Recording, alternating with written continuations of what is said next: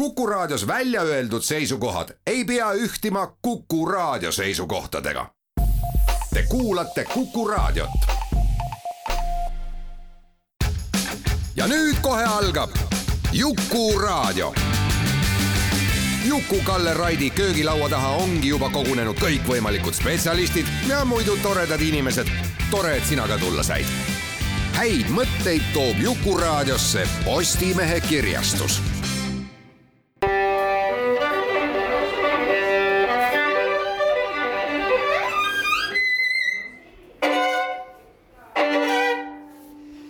Laku panni.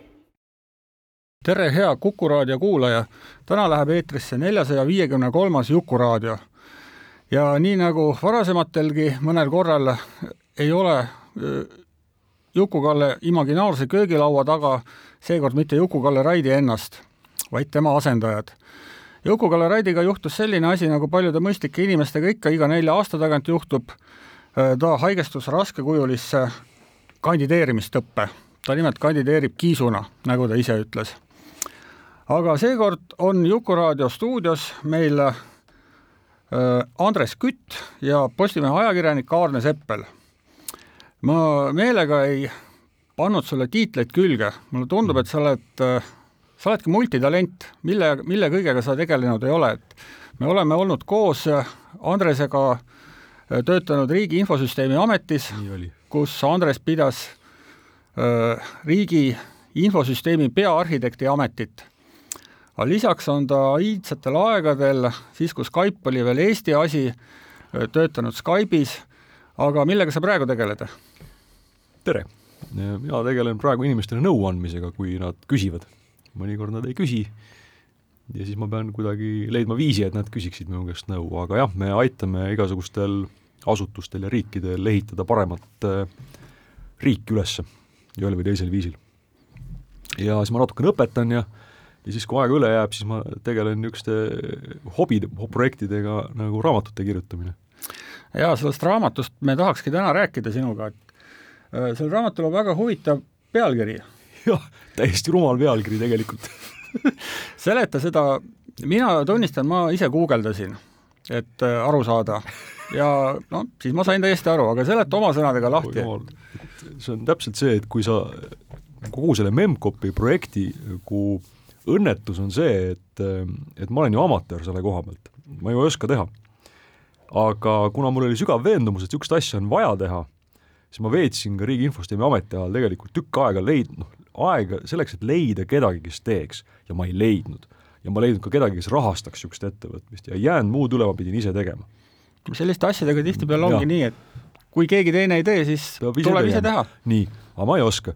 ja siis ma kõigepealt tegin Memcopi nimelise podcasti, mis oli niisugune nohikutele mõeldud asi ja ma tegin podcasti ka ainult selle jaoks, et need intervjuud kuidagi nagu mitmes arvutis olemas oleksid, et need jääks minu kõvaketta peale.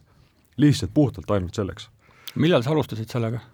oi jumal, see oli kas mingisugune kolm aastat tagasi või neli aastat tagasi.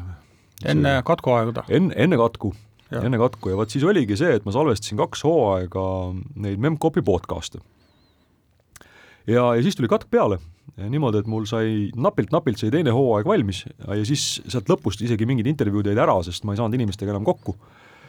ja, ja siis tuli noh, leida, et mis ma nüüd teen. ja siis ots-, tekkis see mõte, et paneks nagu raamatusse kõik need asjad, sest see Memcopi, see tekstimassiiv või noh, see audio, mis seal oli, mis meil tekkis, see muutus nagu otsimise mõttes väga keeruliseks et no räägib keegi Jaak Loondest. no ke, kes täpselt? noh, hakka nüüd üle kuulama mingisugust kolmekümmet tundi materjali, et noh, kes täpselt meenutas, millal, mis kontekstis Jaak Loondet, eks ole. no teeme raamatu. ja vaat nüüd see raamatu pealkiri sai pandud sellisena, mis nagu programmeerijale tähendab, noh, see on väga lihtne. see on print ehk siis trüki välja, see on käsk trüki välja ja sulgudesse on pandud siis see memcopy ja need kandilised sulud tähendavad, et kogu memcpy trüki nüüd välja. ja programmeerijale on see täiesti nagu arusaadav asi. aga loomulikult ma ei mõelnud selle peale, et see mitteprogrammeerijale ei tähenda mitte midagi. ja muuhulgas see tähendab ka seda, et rahvaraamatusse otsingust ei tule memcpy järgi välja sa pead printi järgi otsima. et ma pean rääkima neile, et nad selle pealkirja ära parandaksid, aga no nii on. noh, vot niisugune nohiku, nohiku katseraamatut teha okei okay., aga kas sinu eesmärk oligi jäädvustada kuidagi Eesti IT väga varajast ajalugu? ei, ei, varajane ajalugu ikkagi see, sealt tuleb ikkagi väga selgelt välja, et see varajane ajalugu on veel palju vanem. et need, need kõik seisavad hiiglaste sel-, seljas, need, need inimesed, keda ma intervjueerin. isegi Anne Villems ju räägib, kuidas, kuidas, kes teda õpetas ja noh, see, see on noh, vana asi tegelikult, mis meil Eestis toimub. Minu eesmärk oli tegelikult äh, talletada neid inimesi ühel või teisel viisil et äh, see Eesti e-riik ja selle edulugu seisab üsna väikse kogukonna seljas. on väga väike hulk inimesi tegelikult, kes läksid ja tegid telekomid ja pangad ja ID-kaardid ja e-riigid ja muud asjad, ja me ei tea nendest inimestest peaaegu mitte midagi, hästi vähe. sest noh, nad on IT-inimesed ja nad tingimata ei, ei roni püünele ja noh, ei, ega ei peagi. aga minu meelest on oluline, et me neid inimesi mäletame ja neist aru saame kuidas sa seda valikut tegid? kellega rääkida? oi, see oli keeruline. sellepärast, et ehm, noh, kõigepealt ma hästi mugavalt lähtusin omaenda tutvusringkonnast, eks. no muidugi. keda, keda ma tean. Aga teisalt, teisalt ka inimesed ühe, võtsid ühendust, kui esimesed podcasti episoodid väljas, ütlesid, no vot, räägi selle inimesega. Ja jutudest hakkasid ka läbi jooksma, et noh, seal olid mingisugused, Andres Baumann näiteks, kellega ma oleks hea meelega rääkinud, aga kes ei tahtnud rääkida ja vot see oli nüüd teine asi, et, et mõne inimesega, mõni inimene ei tahtnud rääkida lihtsalt. võtsin ühendust siin päris mitmega, ma ei hakka nimesid nimetama, et võib-olla nad ei taha, ja kes ütlesid, et nad ei soovi rääkida. okei okay.. lihtsalt ei taha.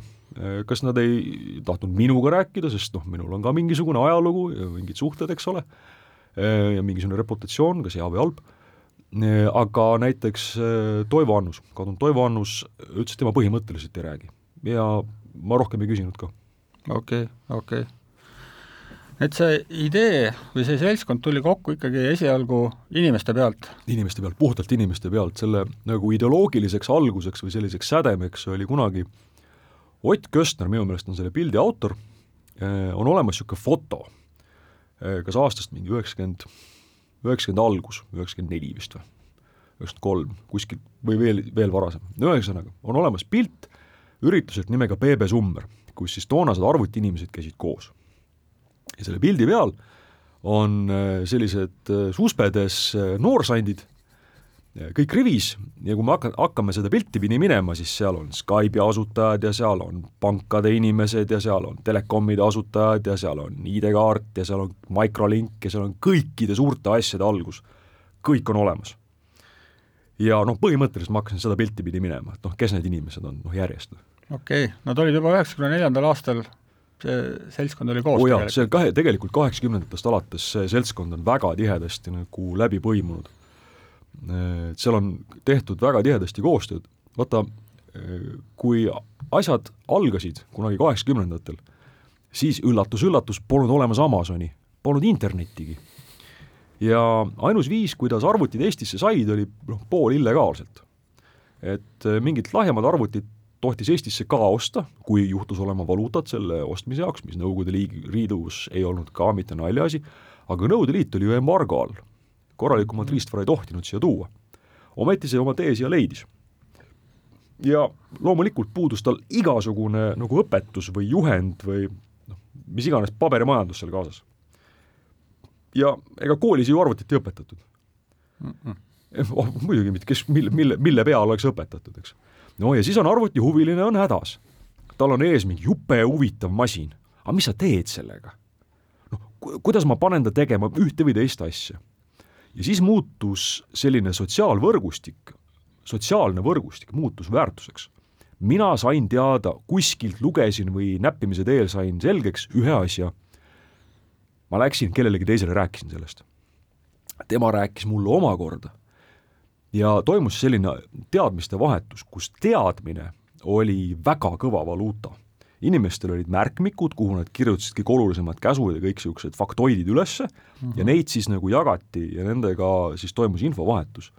ja vaat too võrgustik läheb vähemalt kaheksakümnendatesse välja ja vaat selle võrgustiku pealt on tegelikult üles kasvanud see meie, see IT-kogukond, mis läheb praeguseni edasi ju mm. -hmm. aga kuidas see võrgustik toimis, tol ajal, nagu sa ütlesid, internetti ei olnud see inimesed olid üle Eesti laiali. väga põnev, äh, kuidas see toimis, et äh, üle Eesti laiali tõesti, et ta oli hästi palju Tartu-Tallinna põhine mm. -hmm. kuigi noh, sellised ja noh, siis kolmas selline tuumkoht oli Nõo, mille, Nõo keskkool, mille tähtsust on hästi raske nagu üle hinnata, ta hästi-hästi oluline koht mm. -hmm jällegi, mille ajaloost me väga vähe teame, et mind väga üllatas mingid ma üritasin leida Nõo kohta mingisuguseid materjale, et kes seal täpselt toimetasid ja kuidas, väga vähe on olemas. kuigi noh, monumentaalne ettevõtmine tegelikult. aga äh, olid sellised inimesed, kes äh, panid kokku neid kogukondi või kelle ümber koondusid need kogukonnad. no näiteks võtame niisuguse inimese nagu Jaak Loonde. Jaak Loonde, kadunud Jaak Loonde, kes Tallinnas tegutses ja tal oli mitu kohta, kus ta neid arvutiklasse nagu siis kokku pani ja ma ei mäleta, et ükski inimene oleks nendes juttudes rääkinud, et vaata, et Jaak Loonde õpetas mind programmeerima. või et Jaak Loonde õpetas mind tegema noh, mingit asja. ei olnud. Jaagu peamine funktsioon ja väärtus oli see, et ta kuidagi tekitas niisuguse olukorra, et nohikud teadsid, kus arvutite ligi saab. ja seal toimus mingisugune nagu koondumine ja siis edasi, küll need nohikud omavahel üksteist leidsid ja omavahel neid märkmikke vahetasid ja küll see toimus mm. -hmm aga ilma Jaaguta, kes oleks siis öelnud, et vaat, et mingisugusel kolmapäeval kell ütleme kuus on vaat sellel aadressil võimalik koguneda. noh, ilma temata poleks sündinud niisugust asja.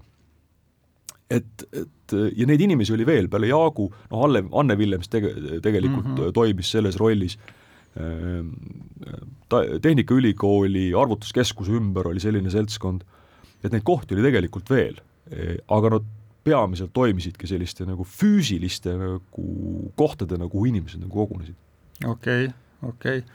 Äh, ma olen mõningaid lugusid äh, nii kuulanud kui ka lugenud su raamatust, mulle jättis väga sügava mulje, äh, tegelikult ma teadsin seda ju mingil määral varemgi, aga, aga mitmest intervjuust tuli läbi tuli välja see, et inimesed, noh, need noored, tegelikult on need noored poisid või? absoluutselt no,. tegelikult ikkagi mitte täiskasvanud enamasti. aga see huvi arvutite vastu oli nii suur, et äh, vähe sellest, et nad tegid endale kogu tarkvara selgeks, nad tegid ka riistvara endale selgeks mm. -hmm. põhimõtteliselt nad olid suutelised arvuti lahti võtma ja, ja kuni noh, sinna mingeid jubinaid juurde ja. jootma, et ja, seda ja. kuidagi täiendada see on nagu, ma olen ka mõelnud selle peale, see on hästi oluline küsimus minu meelest, sest tänapäeval enamasti, ma saan aru, noored inimesed ei lähe nii sügavale välja, et nad noh, tõesti pulkadeni saavad aru.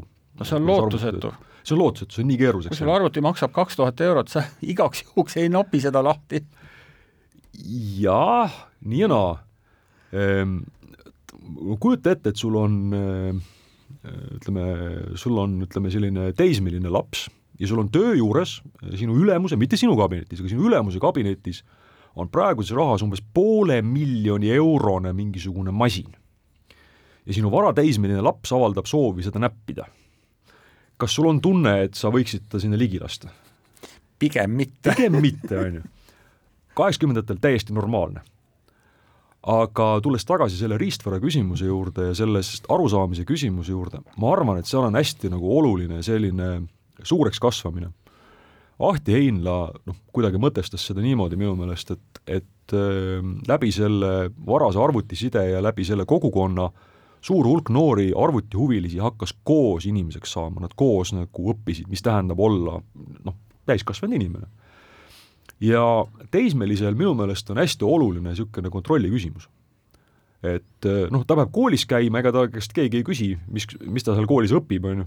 Mhm. ega talle sega, keegi ei küsi, et mis riigikord on, ega keegi ei küsi, eh, mis kell tuleb buss ja mis kell noh, tuleb tramm, eks ole, tal on väga vähe kontrolli oma keskkonna üle. Eh, samas soov asju mõjutada, suuri asju teha on olemas. ja noh, kuidas seda dilemmat siis lahendada? arvuti on niisugune asi, mida on võimalik lõpuni kontrollida, seda mitu inimest ütles ma sain oma arvutist lõpuni aru, ma kontrollisin seda arvutit. see oli minu täie-, minu kontrolli all. ta tegi täpselt seda, mida ma ütlesin, pulkadeni, kuni riistvarani. ma arvan, et see tunne, et ma saan mingit asja nagu täiesti kontrollida, kuigi ma ei kontrolli ühtegi muud aspekti oma elust mm -hmm.. vot minu meelest oli see nagu oluline, mis, mis nagu käivitas päris mitut inimest. okei okay,, okei okay. mulle jättis väga, selle kontrolli küsimusega natukene haakub ka see, et äh, sain aru, et väga paljud hakkasid ikkagi väga kiiresti ise öö, kirjutama tarkvara ja, ja, noh, noh, kuidagi seda täiustama. et öö, ma ei tea, enamik vist alustas mängudega mm, -hmm. sealt kõlasid läbi no mis oli väga, väga lahe, minu enda koolipõlve meenutas, et äh, kuidas keegi ehitas ruutvõrrandi lahendamise programmi. ja põhimõtteliselt õpetaja küsimustega reaalajas kontrollis õpetaja vastuseid. jah, nii oli, jah. Et äh, ma mäletan omast ajast, et äh, sest ma olin ka kaheksakümnendatel nalk, ma ja natuke tundsin huvi IT vastu. okei okay,, ma olin nagu oma loomuselt ikkagi humanitaar, aga mul oli mingi taskukalkulaator, mida sai kuidagi programmeerida. mingisuguse laevade pommitamise mängu või programmi ma sinna sisse kuidagi keevitasin. no jumala eest ei mäleta enam, kuidas. aga noh, see minu huvi ikkagi ei olnud nii suur ja sügav, et ma mäletan, et tõepoolest, et olid kaheksakümnendate lõpupoole koolides sellised kummalised arvutiklassid, kus oli niisugune oma õhustik Need, kes teadsid, need teadsid Juhu. ja need, kes olid väljapool natukene, no nad ikkagi parem ära tule jah. aga kuidagi on sellest seltskonnast kasvas välja noh, nagu sa ise ütlesid, nohikute maailmast kasvas välja selline põlvkond inimesi, kes noh, siiamaani tegelikult mõjutavad Eesti elu. absoluutselt. võib-olla rohkem, kui me arvatagi oskame. ma arvan, et sealt, kui sa puudutad jälle väga olulist asja, et, ähm, et see on see nii-öelda praktiliste probleemide lahendamine see, kui me vaatame Eesti e, e-riigi ajalugu või üldse Eesti startup'e, siis need enamasti lahend-, tegeletakse hästi praktiliste probleemide lahendamisega. Väga harva on seda, et oi, meil on nüüd hiigelvisioon ja kange strateegia, mida me lähme nüüd siis ellu viima ja samm-sammult ja samm üks ja samm kaks ja samm kaheksakümmend kuus. Enamasti me võtame mingi konkreetse pakilise probleemi ja lahendame selle ära ja täpselt see, sellesama pakilise probleemi lahendamise peale, noh, kui mul on arvuti ja mul on äh, vaja siis kaunist kursaõde aidata tema äh, mingisuguse kursusetöö vormistamisel, aga arvuti sees ei ole tekstiredaktorit, oli selline aeg, kus arvuti sees ei olnud tekstiredaktorit, ei saanud panna käima Wordi või OpenOffice'it või LibreOffice'it, sest seda polnud olemas. noh, mis ma siis teen, ma pean programmeerima selle tekstiredaktori, sest kaunist kursaõde ju tahaks nagu aidata mul on praktiline vajadus. absoluutselt. ja, ja ma lahendan selle praktilise vajaduse. ja siis mul on praktiline vajadus selle ruutvõrrandi järgi, sest noh, jube tüütu on neid tulpasid taguda, noh, see on mehaaniline ju.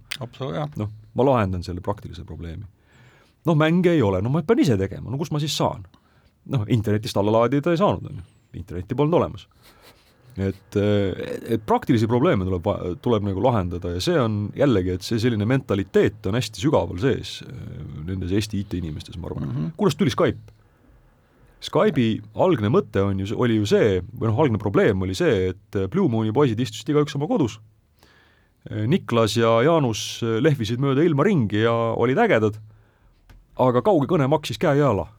oh, jaa ja siis, et noh, see on suhteliselt loogiline on see, et me, et noh, et meil tehnoloogia on olemas, noh, paneme siis kokku selle, et, et noh, ärme siis kuluta raha nagu mobiilikõnede peale, saaks kuidagi nagu praktilisemalt. et raha saab millegi muu peale kulutada ja,. jah, jah, et see on praktiline probleem, mida lahendatakse. või kas või see näide, Jaanus Lillenberg meenutas, kuidas Kaur Virunurm enne saksa keele eksamit valmistas mängu, saksa keele sõnade õppimise mänge mm, -hmm. õige küsimus annab õige vastus annab punkti ja vale vastus miinuse.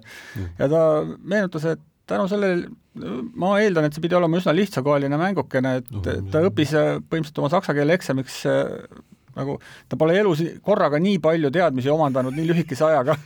nojah, ja jällegi, noh, et mida ütles minu meelest, ütles Sten selle kohta väga, Sten Tamkivi, ütles väga kuidagi nagu õigesti tabades, tabades ühte nüanssi siin täpselt selle juures, mis sa ütled.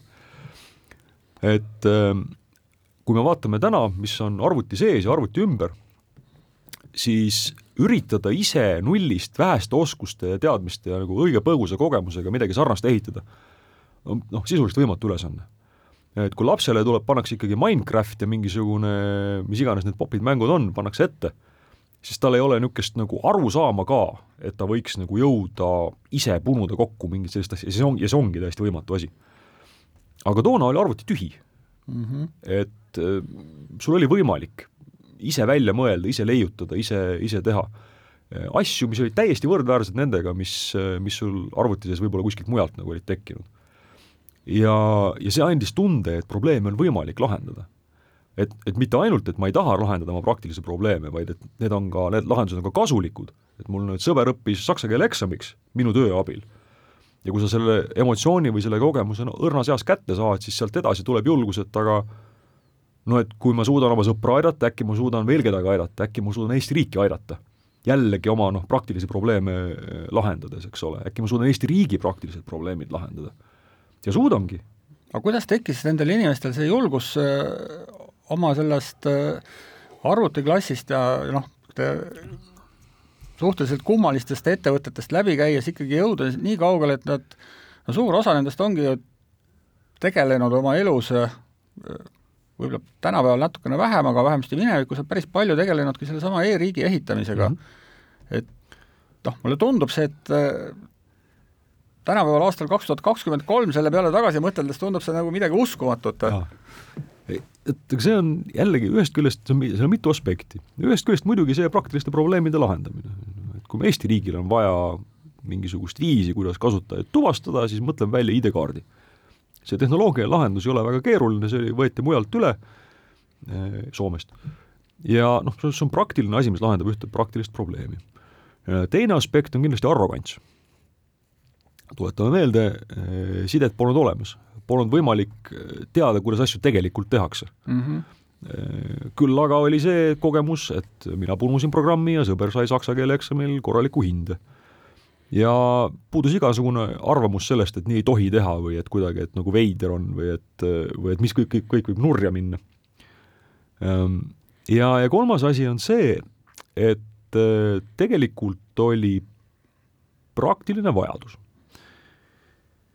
Noh kui me jällegi aastal kaks tuhat kakskümmend kolm, võib-olla on keeruline ette kujutada, aga aastal mingisugune ütleme kaheksakümmend viis arvuti ei olnud sage asi, arvuti oli haruldane asi.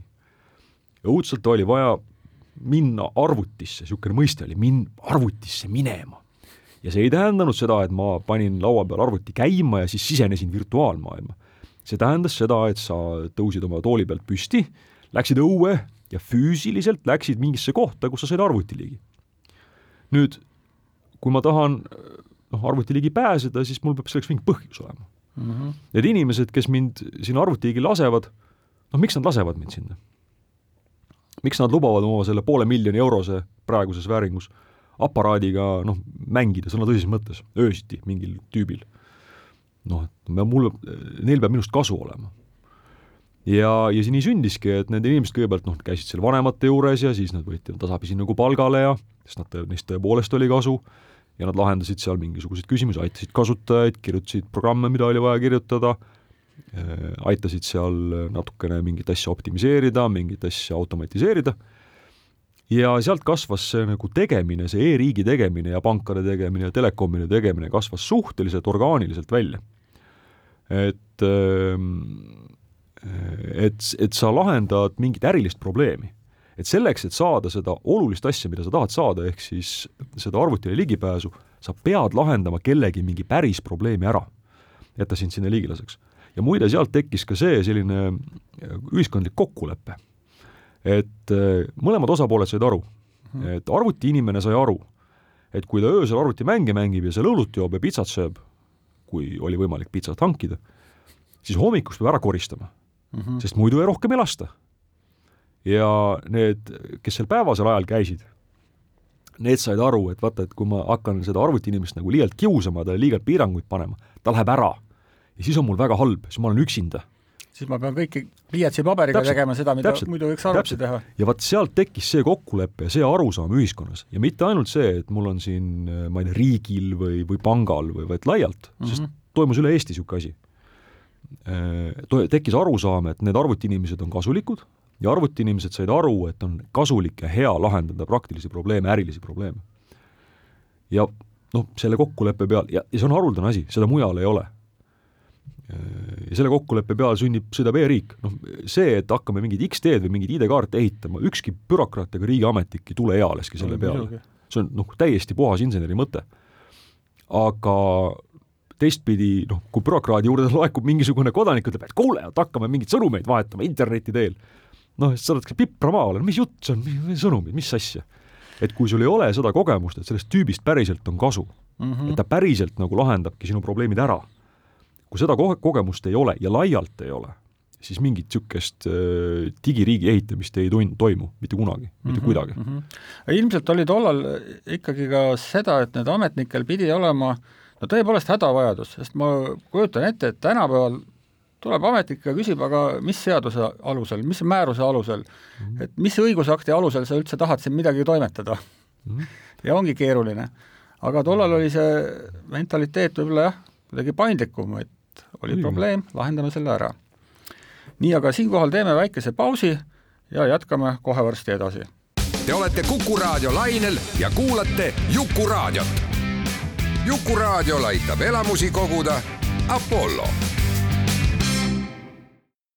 Nendel kaugetel aegadel äh, mulle jäi raamatust mulje, et äh, nii-öelda patsiga poisid või arvutihuvilised poisid, nad ei olnud tegelikult äh, ka ühiskondliku või sotsiaalse staatuse mõttes äh, väga kõrgelt hinnatud. erinevalt tänasest päevast, kui ikkagi inimene, kui ta on arendaja või tegeleb IT-ga, et äh, siis no kõik eeldavad juba ette, et ju ta teenib head raha, ta on tark, intelligentne ja nii edasi. et äh, võib-olla mingisugune osa sellest, et neid poisse lasti sinna arvutiklassidesse, on ka selles, et see nii-öelda IT-spetsialisti staatus ei olnud tol hetkel liiga kõrge? raske öelda, sellest, seda nagu ei kuma välja, et, et see staatus oleks kuidagi madal olnud või et seda ei võetud kuidagi tõsiselt. Tõsi okay. on see, et mida meenutatakse, et nendes arvutuskeskustes Nõukogude ajal toimetasid peamiselt naisterahvad. sellepärast, et nagu keegi seal ka ütles, et sest meesterahvas läks ju traktoristiks või midagi, et sai vähemalt bensiini varastada et, et noh, et seda peeti nagu tõesti prestiižsemaks tööks võib-olla. aga ma ei usu, et see nagu mõjutas nende arvutiligi pääsemist, sellepärast et noh, inimesed pääsesid arvutiligi ikkagi väga õrnas eas. noh, keskkooli kõrvalt ikkagi sagedasti mindi tööle. Et tol ajal noh, keskkooli kõrvalt, et sa tegeled nagu taskurahaga, et seal ei ole see nagu prestiiži küsimus, ei ole niisugune asi aga noh, tõesti, et see fakt, et, et oli olemas niisugune koht, kuhu sai siis keskkooli poiss või tüdruk ennast sisse susserdada mm, -hmm. noh siis see tähendas seda, et seal täiskasvanut ei olnud selle koha peal. noh, mis võib olla siis indikatsioon tõesti sellest, et see maine oli, oli madal. okei okay., räägime korra natuke ka sellest, mis toimus samal ajal mujal maailmas, et kui me olime eraldatud, me olime Nõukogude Liidus, isegi siis, kui me enam ei olnud Nõukogude Liidus, kui palju me teadsime seda, mis tegelikult samal ajal mujal maailmas toimub ja kuidas see meid mõjutas? me teadsime, mina teadsin väga vähe, sellepärast et mina oma noh, nii-öelda ajaloo mõttes, ma olen, olen olnud selle seltskonna serva peal kogu aeg. et ma ei saa väita, et ma olen olnud selles kogukonnas sees, ma olen olnud seal serva peal ja ma tean neid inimesi ja ma olen nendega koos aega veetnud, aga ma ei saa väita, et ma oleksin olnud selles seltskonnas nii-öelda tingimata sügaval sees aga kui me luge-, loeme neid jutte, siis eh, me saime Soomest näiteks väga palju abi. Eh, Soome Fidoneti rahvas toetas meid väga-väga palju. okei okay., arvutitega siis ei, või teadmistega? teadmistega. Ja ka riistvaraga, no modemid näiteks, et -hmm. isegi kui arvuti oli, siis arvuti peab, tahab kuhugi helistada, eks ole, selleks, et saavutada mingi side kellegi te, mingi teise arvutiga, seda seadet, seda, seda seadet lihtsalt ei olnud. ja neid tuli Soomest okay.. ja noh, soomlased võtsid meid selle mõt-, selles mõttes ka oma hõlma alla, et meid ühendati siis ülemaailmsesse Fidoneti nimelisse arvutivõrku, mis oli interneti, internetieelne arvutiside ja, ja see käis Soome kaudu ja seal konkreetsed inimesed aitasid meid hästi palju. Palju me siis nagu päriselt teadsime, et palju seal maailmas tegelikult toimub, no eks me ikka teadsime ehm, sel hetkel, kui see Fidoneti side olemas hakkas olema, siis tegelikult ju avanes kogu see, kogu see maailm seal mm -hmm. Fidonetis toimisid uudisgruppide nimelised asjad, kus tegelikult arutasid nagu üle maailma mingid inimesed. ja minu meelest on see Ahti, kes, kes meenutas sellist maailma avanemise kogenem-, kogemust. et ta oli olnud kuskil arvuti taga ja järsku keegi üritab temaga arvutis juttu rääkida. ja Ahti ütleb, et ei, et ta veel kasutas kellegi teise kontot, et ei, et mina ei ole see teine inimene, et, et, et ära, ma, ma ei taha sinuga rääkida, ma ei ole see, kelle, keda, kes, kes sa arvad, et ma olen. aga teiselt poolt öeldi, et, et ei ole hullu, et lihtsalt räägime juttu. okei okay. ja selgus, et tegemist oli Eesti tüdrukuga, kes oli äh, Ameerikas parasjagu ülikoolis ja kes wow. Äh, tundis ennast kuidagi nagu kultuuri mõttes nagu üksikuna ja kes tahtis lihtsalt juttu rääkida ja rääkiski pikalt Ahtiga juttu. ja ma arvan, et see oli ka üks oluline asi, mis, äh, mis sündis, et äh, et kui, samal ajal kui muu ühiskond, noh, palju meil luges Timesi või, või Frankfurter Allgemeinet, noh, peale saatkondade väga vähesed. väga vähesed, eks ole. aga need inimesed suhtlesid igapäevaselt mingisuguste Saksa häkkerite ja mingite California hipide ja mingite Soome mingite arvutimeestega. et sealt tekkis üsna ruttu selline rahvusvaheline nagu võrgustik okay.. et äh, rääkimata üle Nõukogude Liidulisest võrgustikust, mis oli omaette, omaette pikk ja keeruline ja, ja lahe lugu. okei okay., aga need võrgustikud ikkagi tekkisid sellisel internetieelsel ajal, mis arvutist arvutisse või kuidas see no kuidas see suhtlus käis? no suhtlus käis niimoodi, et äh, sattusid inimesed kokku, äh, vahetasid kontaktinfot okay. ja sattusid, kes olümp-, käidi ju Moskvas olümpiaadidel ja, ja sealtkaudu see info liikus. ka Nõukogude Liidus oli, oli olemas Fidoneti oma harud. see side oli küll väga halb ja neid oli väga vähe, neid otsi mm. -hmm. aga see siiski toimis aga see võrgustik sai alguse ikkagi reaalsest äh, ja. suhtlusest? füüsilisest kontaktist. füüsilisest kontaktist füüsilisest ja, kontaktist. ja siis hakkas hargnema? sest arvutiside sellisena, nagu me teda praegu tunneme, oli ikkagi noh, käis teistmoodi.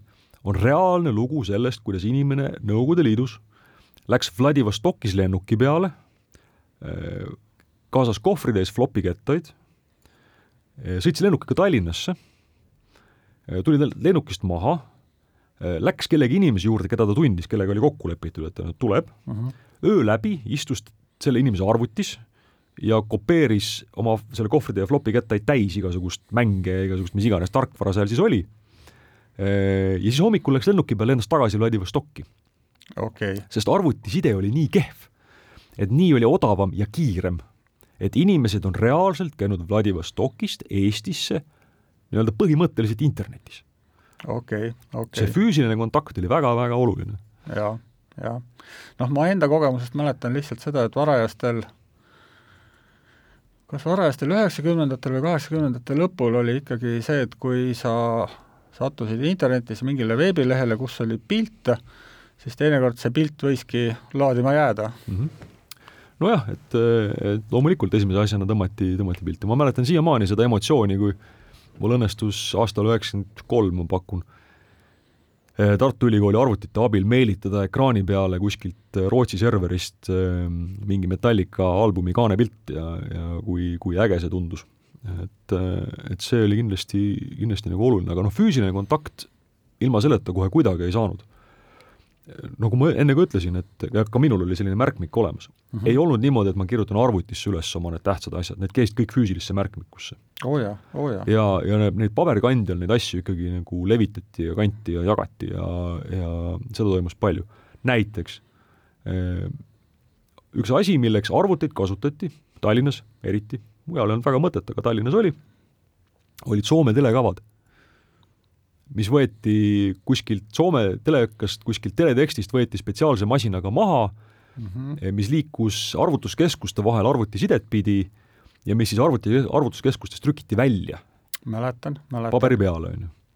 jällegi, mitte ei olnud niimoodi, et ma vaatan arvutist seda telekava, vaid see oli paberi peal, maatriksprinteriga trükitud, eks ole no,.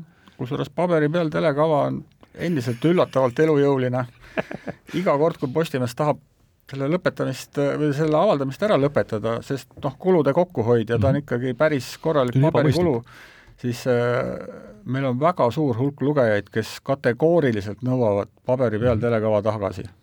no vot, noh. et, äh, et praegu on meil traditsioonid ja see on ka üks vastus, vaat sa enne küsisid, et, et kust tuli see nagu julgus igasuguseid asju teha. sest praegu on meil arusaam, et noh, väga paljudel inimestel, nagu sa ütled, et telekava peab olema paberi peal mm. -hmm. aga üheksakümnendate alguses puudus igasugune arusaam sellest, kuidas riiki, kuidas noh, kuidas riik peab käituma või milline riik peab olema. mina tean, hakkame otsast tegema ja vaatame, mis välja tuleb mm. -hmm aga sa rääkisid, et sa, selle raamatu põhimõte on sul ikkagi, või tulnud, see raamat on tulnud sul kokku inimeste pealt või mhm. inimeste mm -hmm. järgi. ja mina neid inimesi enamasti, okei okay,, ma tean väga paljusid nimepidi, aga niimoodi reaalses elus ei tunne neid, ei ole näinud mm. -hmm. ja minul tekkis hoopis selline tunnetus, et sa oled dokumenteeritud, dokumenteerinud ühte ajastut. või noh, mingisugust niši ühest ajastust, mis äh, sellest on väga huvitav lugemine, ta tekitas sellise tunde, et see oli see aeg, kus äh, IT oli niisugune metsik natukene ja nagu, nagu Hollywoodi tuumfilmide ajastu, et see oli niisugune omaette maailm.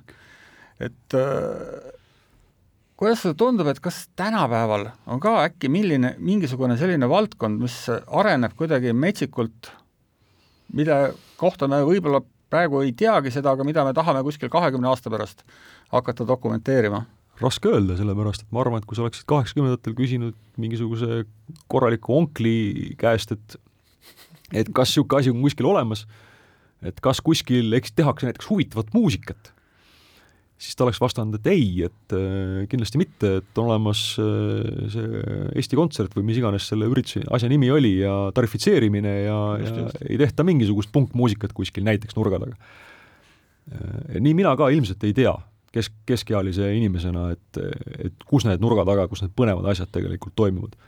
ma arvan, et kindlasti toimub, aga mis asi, on väga raske öelda ja, ja vot ongi, et, ähm, et ma läksin dokumenteerima inimesi, aga tõepoolest, et sealt tuleb hästi palju välja seda äh, ka kogukonda, kuidas see kogukond töötas, mis mehhanismid teda koos hoidsid, eks ole, mis reeglid seal kehtisid.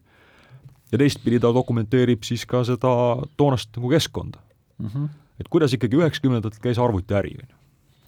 Äh, või kuidas käis telekomi äri või kuidas käis nagu riigis asjade ärategemine seal varastel üheksakümnendatel?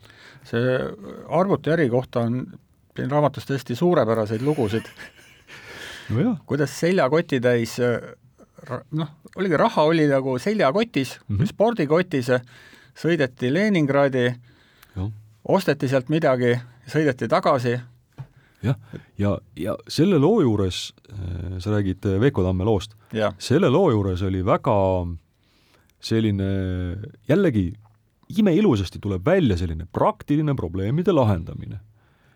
tol ajal noh, puudus noh, tavalisel kodanikul, isegi tavalisel ärimehel puudus igasugune võimalus suhelda online'is äh, mingisuguste, ma ei tea, Peterburi või Moskva ärimeestega.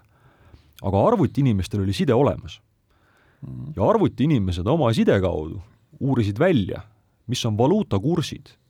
ja selgus, et seal oli tegelikult arbitraaži võimalus. et need, need valuutad, mis olid Eestis, sest Soome oli lähemal, olid odavad, olid Peterburis kallid või Moskvas. ja vastupidi mm. -hmm. nii et selle pealt oli võimalik teenida ja see oli puhas nagu info pealt teenimine. et arvutiinimestel oli ligipääs infole, mida mitte kellelgi teisel ei olnud. ja see keerati kohe rahaks. no muidugi. no, noh vot see võib tunduda loomulik, aga see tegelikult nagu ei ole, et äh, no tegelikult ta vist tollal liigitus ikkagi mittetöise tulu alla. kindlasti, jah. ja, ja noh, parem oli mitte kuhugi radarile jah, et ka, ka minul oli see mõte, ma just Veiko käest küsisin, et äh, ka mõeldes sellele, et oli olemas niisugune organisatsioon nagu Sorvo kunagi Nõukogude ajal, mis siis äh, ajas taga neid inimesi, kes tegelesid mittetöise tuluga ja just Sorvole mõeldes ma küsisin Veiko käest, et, et aga see tegevus pidi ju olema riskantne, millega sa tegelesid. ja äh, Veiko noogutas, ütles, et jah, palju sõp-, mitu sõpra said kuuli. et tema pidas seda riskantset hoopis nagu teisel tasemel, et, et noh, see see, kuidas see kaheksakümnendate lõpp ja üheksakümnendate algus, et kui metsik aeg see tegelikult mm -hmm. oli, ehm, noh, nii selles nii-öelda tänaval kui ka näiteks arvuti turvalisuses ma arvan, et arvuti turvalisusest ei olnud midagi. me ei taha, me, või noh, arvuti ka piraatluses näiteks, me ei taha keegi sinna tagasi enam. et see oli ikkagi väga metsik aeg. jaa, see ega vist kaheksa, üheksakümnendatel Eestis ikkagi autoriõigustele kui sellisele, see oli täiesti tundmatu mõiste? ei, ikka, kõik said aru, et, et see, millega tegeldakse, ei ole nagu päris koššer, et äh, see arvuti, arvutitarkvara jagamine ikkagi üheksakümnendate alguses oli selge, et, et noh, et see päris nagu õige ei ole. ja kes ikka vähegi sai, see ikka ostis ka tarkvara okay.. aga mm, arvestades toonast elatustaset, seda tarkvara lihtsalt oli nii röögatult kallis, seda ei jaksanud keegi osta. Ja, ja see tundus nii kohutavalt ebaõiglane, et mingisuguse, ma ei tea, tekstiredaktori eest tuli välja käia mingisugune, ma ei tea, viis kuupalka või noh, rohkem, on ju. et see tundus täiesti nagu mõttetu. tollal olid mingid juba no üheksakümnendate lõpus ikkagi, no päris lõpus, olid sellised paketid, et kui sa ostad arvuti, et siis sa saad Ja. mingisuguse nuditud Office'i versiooni endale ka sinna sisse. see on omaette tegelikult pikk ja selline huvitav areng, et seda võiks keegi nagu lähemalt uurida, et kuidas toimus see normide muutus. et kui üheksakümnendate alguses oli veel täiesti normaalne varastada tarkvara, see oli täiesti normaalne, seda tehti ja seda tehti ka minu meelest isegi nagu Postimehes mainitakse ära, et see ei olnud päris nagu kõik ei käinud nagu ridapidi. ma ei tea ühtegi Eesti meediaväljaannet, kes oleks alustanud äh, ja. ostetud tarkvaraga.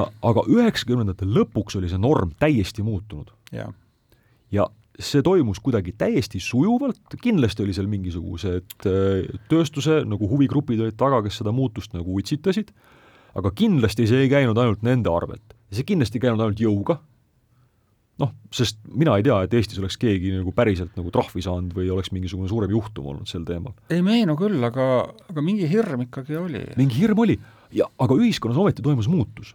et see, mis mehhanism seda muutust ajas ja kuidas see toimus ja kuidas see ühiskond nii-öelda selles, selles aspektis nagu, nagu täiskasvanuks sai, et see on väga huvitav selline, selline areng, natukene siit sellest Memcpy raamatust tuleb seda välja mm, -hmm. aga, aga vähe mm. -hmm et seda peaks keegi lähemalt uurima, põnev teema. su raamat on üle neljasaja lehekülje paks, kui ma õigesti mäletan. on nelisada kolmkümmend. nelisada kolmkümmend lehekülge. kas see nüüd on sinu jaoks läbitud etapp või sul on mingid jätkuplaanid ka? No ikka inimesed ikka küsivad, et, et peaks veel ja mul on tegelikult olemas äh, siis Excelis väike tabel, kus mul on üks hooaja või paari jagu on veel neid intervjueeritavaid, kellega veel võiks juttu rääkida et nüüd on küsimus ainult selles, et, et kuidas ma selle aja leian. et äh, selle raamatu tekitamine on noh, täiesti hoomamatult ajamahukas ettevõtmine. et äh, kust ma selle aja võtan, sest tegelikult tahaks tegeleda natukene, kirjutada ühte teist raamatut vahele ja, ja tegeleda natuke teiste asjadega ka, et ma ei kujuta ette, kuidas mul see aeg on, aga see kripeldab mul küll. Äh, noh, näiteks on küsitud ingliskeelset tõlget Memcpile et see tuleks, see tuleks tekitada, sest, sest see teema on nagu laiemalt ka nagu huvitav, et kuidas see e-riik sündis. no siin on ka inimesi, kes on väljaspool Eestit tuntud. jaa, absoluutselt, jah. üsnagi, üsnagi palju. jah, et eks, eks tuleb sellega tegeleda ja aga kõigepealt noh, ma pean jõudma selleni, et, et rõhutame üle, et selle raamatu nimi on nii veider, et, et seda isegi on nagu raske välja öelda. see kirjutatakse M-E-M-C-P-Y, Memcpy vot see on siis see nagu see on see, kuidas kuidas seda projekti nimetatakse, memcopy.ee näiteks. just, just. pluss siis veel nurksulud on sul ka seal. jah, ja, ja noh, see on nagu hullumeelne noh, et, et mul nagu tekitab ähm, see protsess, kuidas see raamat on sündinud, on tekitanud kohutava aukartuse mingite kirjastajate, selliste inimeste vastu, kes nagu niisugust asja päriselt teha oskavad et, et mul läheb natukene aega ilmselt, enne kui ma järgmise niisuguse asja ette julgen võtta, et see oli ikka nii hirmus suur töö. Aga vaat sa oled nüüd selle ühe korra läbi teinud, sul on see asi selge. Noh. jah, jah.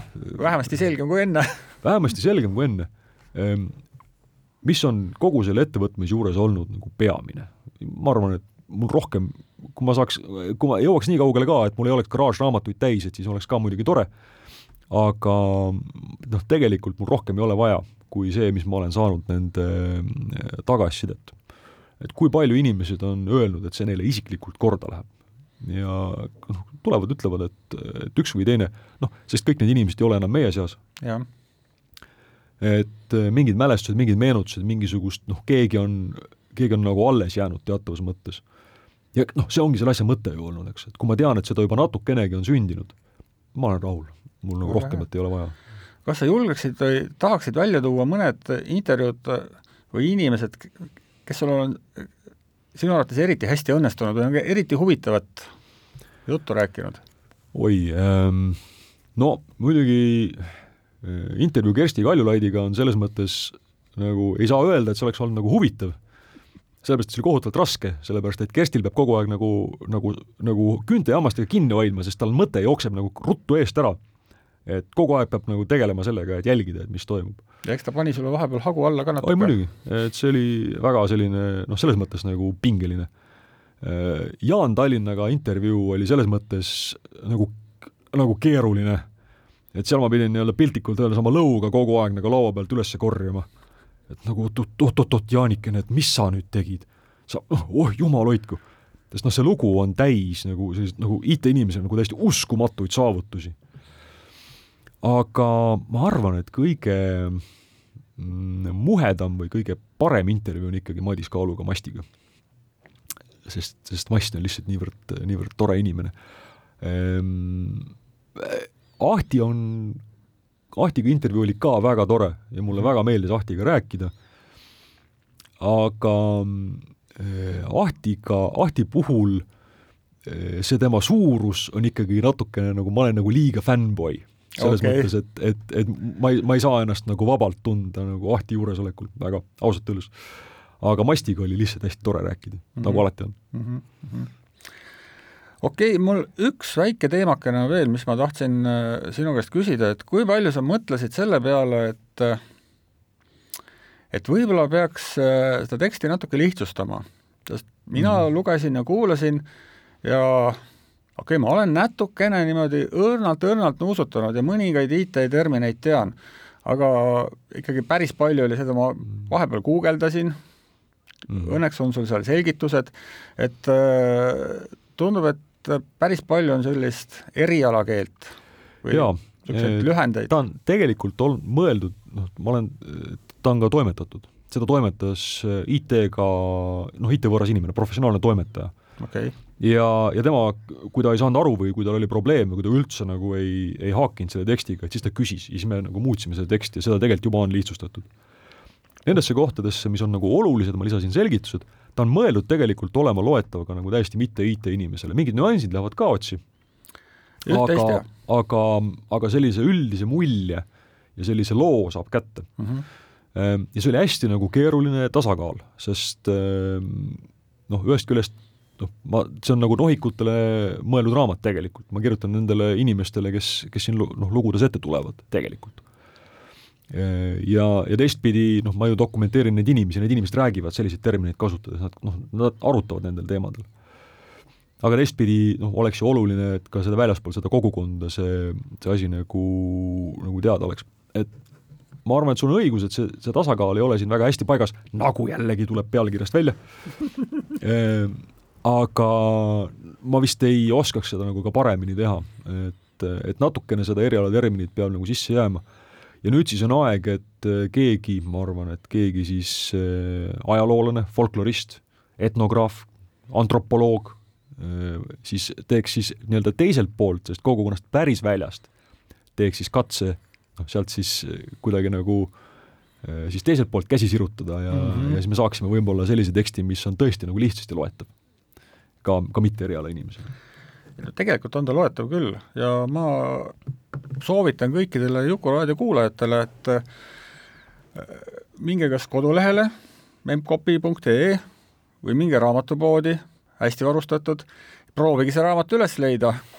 jah, suur raamat on valge A4 formaadis ja ma suur, ma tänan sind väga, Andres, et sa tulid meiega rääkima oma raamatust Tahaks. Ja ma omalt poolt ka soovitan kõikidele, kes vähegi tunnevad huvi selle vastu, mis imelikus maailmas kaheksakümnendatel ja üheksakümnendatel Eesti tänapäeva väga tuntud IT-inimesed elasid, lugege seda raamatut. see siis oli neljasaja viiekümne kolmes Juku-raadio saade, kohtumiseni juba järgmisel nädalal